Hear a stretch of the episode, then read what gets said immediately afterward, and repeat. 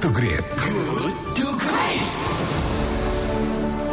107,1 Kilat FM Bandung Inspiring Sound. Terima kasih sahabat Kilat Anda masih bersama dengan kami di Good to Great because good is the enemy of great.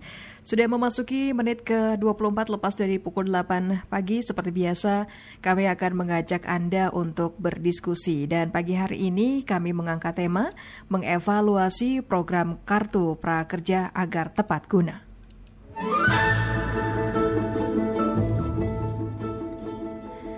Sebagai salah satu upaya penanganan COVID-19, pemerintah meluncurkan program Kartu Prakerja. Program ini diperuntukkan bagi pekerja dan pelaku usaha kecil yang berdampak pandemi COVID-19. Namun dalam pelaksanaannya dinilai syarat masalah oleh sejumlah pihak. Data peserta mesti diverifikasi ulang, mekanisme seleksi gelombang berikutnya juga perlu lebih ketat dan selektif. Langkah ini demi memperbaiki sejumlah persoalan pada program Kartu Prakerja gelombang 1 dan 2. Masalah antara lain berupa peserta yang tidak sesuai dengan tujuan utama program. Misalnya, ada karyawan yang masih menerima gaji dari perusahaannya lolos seleksi peserta kartu prakerja. Komisioner Ombudsman RI Alamsyah Syaragi menekankan pemerintah seharusnya menyikapi temuan persoalan kartu prakerja dengan tegas dan cepat. Penyaluran bantuan biaya pelatihan dan insentif bagi peserta yang masih uh, mampu di tengah pandemi ini dinilai sebagai penggunaan uang negara secara tidak tepat guna di tengah kondisi darurat. Apalagi separuh anggaran kartu prakerja yakni 10 triliun rupiah berasal dari anggaran penanganan COVID-19. Nah, sahabat Kelet, guna untuk membahas hal tersebut di pagi hari ini kami akan menghadirkan narasumber yaitu Bapak Ahmad Alam Syah Syaragi atau akrab disapa Pak Alam yang merupakan anggota Ombudsman Republik Indonesia.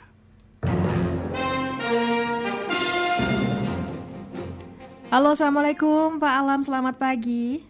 Waalaikumsalam, selamat pagi, Aka. Iya, apa kabar Pak? Baik, Alhamdulillah. Alhamdulillah. Iya Pak, terima kasih Bapak sudah berkenan untuk berbincang-bincang bersama dengan kami dan juga sahabat kelet di pagi hari ini. Pak Alam, ini sebagai uh, salah satu upaya penanganan COVID-19, pemerintah meluncurkan program Kartu Prakerja. Namun dalam pelaksanaannya dinilai syarat masalah oleh sejumlah pihak ya. Adakah laporan dari masyarakat atau temuan dari Ombudsman terkait ini, Pak? Ya kalau laporan yang masuk ke Ombudsman itu jauh lebih banyak uh, terkait uh, bantuan atau bantuan sosial yang lain ya. Uh-huh. Uh, kartu prakerja sendiri yang secara khusus melaporkan uh, per, uh, sampai dua hari kemarin saya lihat baru satu orang berbeda dengan yang lain sudah ratusan. Nah, namun demikian uh, banyak uh, sifatnya bukan laporan tapi menyampaikan informasi dan kemudian juga uh, apa namanya menanyakan. Nah, hampir rata-rata juga biasanya berkaitan kenapa saya uh, sudah berusaha daftar tapi kemudian kok uh, tertutup. Uh, sementara kadang-kadang ketika saya sedang mengisi uh, kelengkapan dokumen, uh, server kemudian uh, berhenti sementara. Mm-hmm. Nah, kemudian kami teruskan biasanya. Namun demikian uh, juga banyak sekali pertanyaan kemudian ke kami uh, tentang uh, keluhan-keluhan kok ada orang yang sudah bekerja mm-hmm. uh, tapi kok masih mendapatkan kartu prakerja ini sebetulnya untuk apa gitu ya program ini. Uh, betul juga dari media ya banyak uh, bertanya ke ombudsman sehingga uh, kemudian saya coba dalami uh, tampaknya memang uh, program ini tidak tepat untuk dijalankan dalam kerangka penanganan COVID-19 ya. Hmm. Kira-kira begitu, Mbak. Oke, okay. ya Pak, ini uh, hal apa saja yang menurut Anda bermasalah dan patut dievaluasi oleh pemerintah, Pak? Pertama eh, kalau kita lihat ya eh, di dalam program ini eh, proses rekrutmennya sendiri ini secara teknis ya proses rekrutmen orang-orang ini kan kemudian ada yang dianggap tidak layak menerima kok bisa uh, kemudian masuk dan kemudian uh, lolos sampai menjadi penerima mm. ikut uh, melakukan uh, training online gitu ya. Mm-hmm. Seharusnya rekrutmen uh, sejak awal untuk yang begini kan sudah terseleksi dan dia tidak uh, bisa ikut. Nah, step kedua, kami juga melihat mungkin karena keterbatasan uh, budget uh, dilakukan seleksi dengan model acak itu juga agak aneh. Jadi bayangkan kalau COVID itu kan orang perlu segera ya dapat bantuan. Mm-hmm tapi kalau dilakukan antrian dengan sistem acak ini memastikan, jadi saya yakin betul program ini terlalu dipaksakan untuk masuk ke dalam skema COVID. Oke. Okay. Uh, eh, sehingga sebetulnya itu uh, duit yang 600 ribu yang kemudian juga ditransfer itu uh, jadi tidak relevan untuk COVID gitu ya. Mm. Itu yang saya lihat uh, jadinya uh, terlalu dipaksakan dan kami menyarankan dihentikan saja lah dulu untuk sementara lebih baik dananya itu yang puluhan triliun itu 20 triliun itu memang betul-betul dilebur untuk uh, bantuan sosial lain yang memang sangat diperlukan di masa covid ini ingat hmm. Indonesia ini kan menerapkan pembatasan sosial berskala besar tujuannya agar orang stay di rumah hmm. maka dia diberi kompensasi uh, berupa pemenuhan kebutuhan hidupnya selama dia stay di rumah Nah, angka 600 ribu saja itu dinilai terlalu kecil. Lah kok sekarang dibikin varian program terlalu banyak gitu ya. Itu yang menurut kami uh, uh, tidak tepat. Itu satu evaluasi terhadap implementasinya. Yang kedua, dalam soal uh, pengadaan untuk penyedia pelatihan. Mm-hmm. Kita melihat setiap orang diberi uh, paket virtual account ya senilai satu juta dan uh, menurut saya uh, model ini uh, mirip seperti seolah-olah orang diberi uh, bantuan langsung tunai dan dibiarkan dia membeli sesuai kebutuhan. Ada tiga jenis pengadaan bantuan. Pertama bantuan produk sembako, uh, kemudian bantuan uh, gedung sekolah dan lain sebagainya misalnya. Ini biasanya memang uh, proses pengadaan bantuan itu dilakukan melalui skema lelang baru kemudian setelah produknya diperoleh oleh pemerintah di deliver atau disampaikan ke penerima bantuan. Uh, jenis uh, pengadaan bantuan kedua adalah memberikan bantuan berupa uh, uang atau dana, di mana setiap uh, masyarakat dibebaskan untuk uh, belanja. Mm-hmm. Biasanya ini untuk kebutuhan konsumsi, di mana uh, kelemahan dari sistem ini adalah orang kemudian akan membeli eh, tidak sesuai dengan peruntukan. Kita kenal misalnya namanya bantuan langsung tunai dan sebagainya. Nah, bantuan yang ketiga kombinasi disebut dengan bantuan dana dengan peruntukan tertentu. Nah, ini contohnya adalah eh, misalnya bantuan untuk pelatihan, eh, bantuan untuk beasiswa perguruan tinggi gitu ya.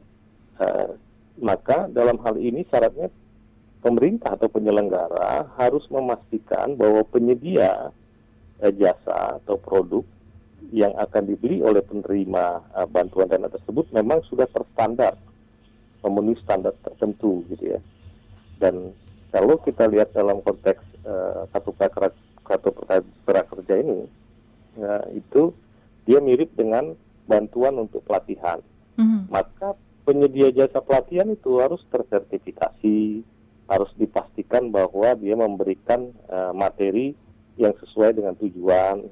Kalau tujuannya agar orang bisa kerja, juga harus dibangun skema setelah mendapat pelatihan, maka dia bisa bekerja. Misalnya itu kan, apakah sudah ada kerjasama dengan perusahaan-perusahaan? Saya tidak tahu. Hmm. Nah, dengan model seperti ini, uh, menurut saya tidak memenuhi syarat pengadaan uh, modul pelatihan training online melalui platform-platform tersebut sehingga sebetulnya uang dari satu juta rupiah yang diberikan bantuan kepada warga tersebut dibelanjakan untuk produk atau jasa yang tidak terstandar. Ini maladministrasi yang sangat serius, mm-hmm. sama dengan uh, pemborosan uh, uang negara. Jadi uh, menurut kami sebaiknya ini dilakukan evaluasi, mungkin uh, BPK bisa turun atau BPKP setidaknya melakukan audit terhadap harga dari produk-produk modul tersebut, kemudian skema pengadaannya apakah sudah tepat atau jangan-jangan lebih murah kalau dilakukan lelang. Jadi kita lihat uh, kalau lelang dia punya 1.900an modul, anggaplah 2.000 modul begitu ya, pasca. Mm-hmm. Dengan 5,6 triliun, kalau dibagi 2.000 modul, berarti per modul itu kira-kira 2,8 miliar. Yeah. Nah, dari 2,8 miliar ini, apakah untuk mengadukan satu modul pelatihan online tersebut memang diperlukan biaya sebesar itu oleh pemerintah? Saya yakin tidak. Mm untuk latihan pembuatan PMP apa perlu butuh 2,8 miliar kan enggak? Bikinnya ya, bikin modulnya bukan harganya. Mm-hmm. bikin um, bagaimana menjadi ojek online yang profesional misalnya. Mm. Karena kan yang paling besar itu kan. Yeah. Uh, permintaannya. Nah ini menurut saya uh, belum tentu sebesar itu. Katakanlah uh, 500 juta untuk membuat satu paket modul uh, online-nya sehingga kemudian di deliver secara online betulkah biaya uh, deliverynya itu mencapai 2 miliar per modul untuk sekian juta uh, orang yang menggunakan? Saya nggak tahu. Itu kan harus dihitung berapa kuotanya berapa dan lain sebagainya. Nah seorang penyelenggara yang menggunakan anggaran negara dia harus mengevaluasi terlebih dahulu sistem pengadaan apakah harus dengan lelang atau dengan bantuan dana untuk peruntukan tertentu kalau bantuan dana untuk peruntukan itu apa beauty contest sudah dilakukan pada uh, para penyedia ini? Itu juga harus didalami. Ini masalahnya jadi sangat serius menurut saya. Uh, ada maladministrasi dan ada potensi juga uh, korupsi. Hmm. jadi uh, sebelum kita menduga lebih jauh jauh lebih baik dievaluasi dulu oleh uh, lembaga pengawas uh, dalam hal ini misalnya dilakukan oleh BPKP untuk memastikan uh, secara fix ya, baru kemudian dijalankan.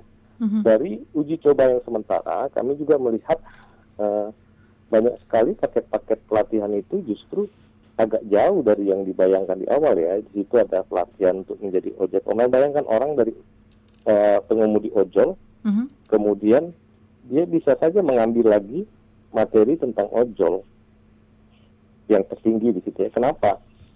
Dengan harapan gampang lulus karena dia memang sudah paham tentang itu sehingga dia dapat bantuan 600 dengan kata lain sebetulnya tidak ada gunanya padahal mm. kan sebetulnya pelatihan ini untuk mengejas kapasitas untuk masuk ke sektor tertentu yang uh, mungkin bisa dia uh, akses kemudian uh, dari materi-materinya apakah cocok itu juga harus dievaluasi nanti oleh uh, BPKP ya.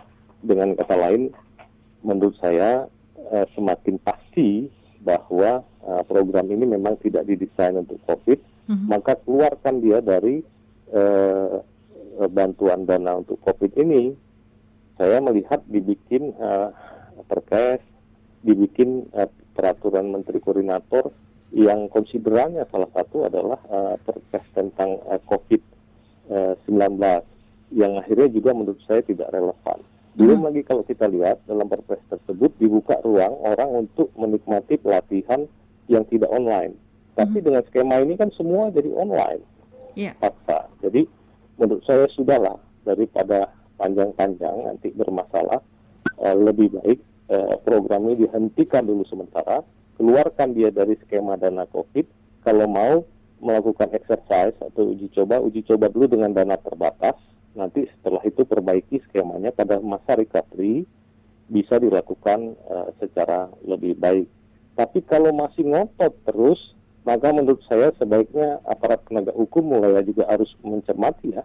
Mm-hmm. Dan uh, bukan hanya BPKP, mungkin BPK juga nanti harus melakukan audit investigatif dan saya dengar dari BPK sudah mengatakan bahwa BPK uh, juga akan mendalami delapan uh, platform yang menjadi mitra pemerintah ini. Mereka akan melakukan pemeriksaan dan menurut saya ini uh, bisa sangat berbahaya bagi keamanan keuangan negara.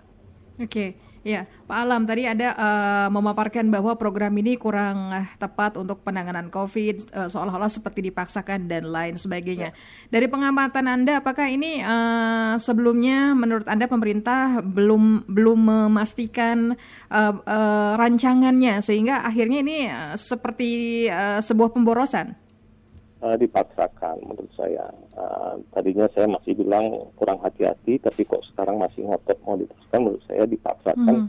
dan uh, menurut saya sangat tidak patut ya uh, melakukan dalam situasi seperti ini. Jadi tolonglah jangan keras kepala menurut saya, karena kita kan perlu uh, energi lebih baik uh, dalam menangani masalah ini secara bersama-sama. Tolong hmm. jangan ada uh, penyelenggara yang merasa paling hebat sendiri nanti uh, merusak uh, spirit kita bersama-sama untuk menghadapi COVID ini karena masyarakat akan distrust dan kunci dari uh, penanganan uh, wabah COVID ini di negara-negara lain bukan karena pelayanan kesehatan mereka yang cukup, bukan. Tapi yang uh, tingkat keparahannya rendah itu ditandai dengan adalah uh, uh, pengendalian sosial yang baik.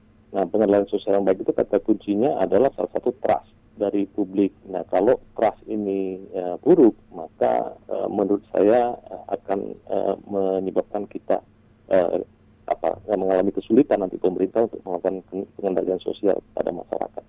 Oke, ya Pak Alam, ini lalu bagaimana mestinya pemerintah menyikapi hal ini selain tadi uh, mengevaluasi, mengaudit dan lain sebagainya. Kemudian juga apa rekomendasi dari uh, Ombudsman agar pada gelombang berikutnya betul-betul tepat guna dan tepat sasaran? Menurut Anda bagaimana Pak?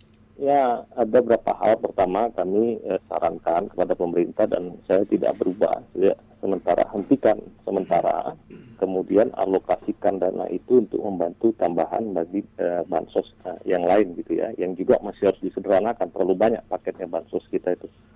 Ada yang PKH, ada apa, jadi sederhanakan dalam bantuan yang lebih mengena dan nilainya ditambahkan. Itu satu. Yang kedua, kalau memang mau uh, dilaksanakan, laksanakanlah dalam rangka uji coba, gunakan dana yang tidak terlalu besar, uh, lakukan uh, evaluasi sistem pengadaan yang benar macam apa, satuan harganya macam apa, dan relasinya dengan uh, dunia usaha macam apa agar orang bisa betul-betul bekerja dan setelah evaluasi itu dinyatakan efektif, uh, sistemnya bisa diperbaiki, sistem pengadaannya juga dipilih yang tepat, uh, baru lanjutkan lagi. Uh, itu menurut saya lebih cocok dilakukan di masa recovery. Jadi lebih baik selama masa COVID ini gunakan dengan data yang kemarin sudah cukup, hentikan, lakukan evaluasi. Itu kan uji coba ya. Jadi itu tahapan yang menurut kami harus dilakukan oleh pemerintah. Baik, baik. Pak Alam, terima kasih untuk ya. perbincangannya di pagi hari ini. Mudah-mudahan ini kasih, Iya, ini menjadi ya. informasi tambahan bagi kami. Sukses dan ya. sehat untuk Anda. Selamat pagi, Sama-sama. Salam, selamat pagi semua. Ya, sahabat Kelet, demikian perbincangan kita bersama dengan narasumber Ahmad Alam Syah Saragi atau yang akrab disapa Pak Alam, merupakan anggota Ombudsman Republik Indonesia.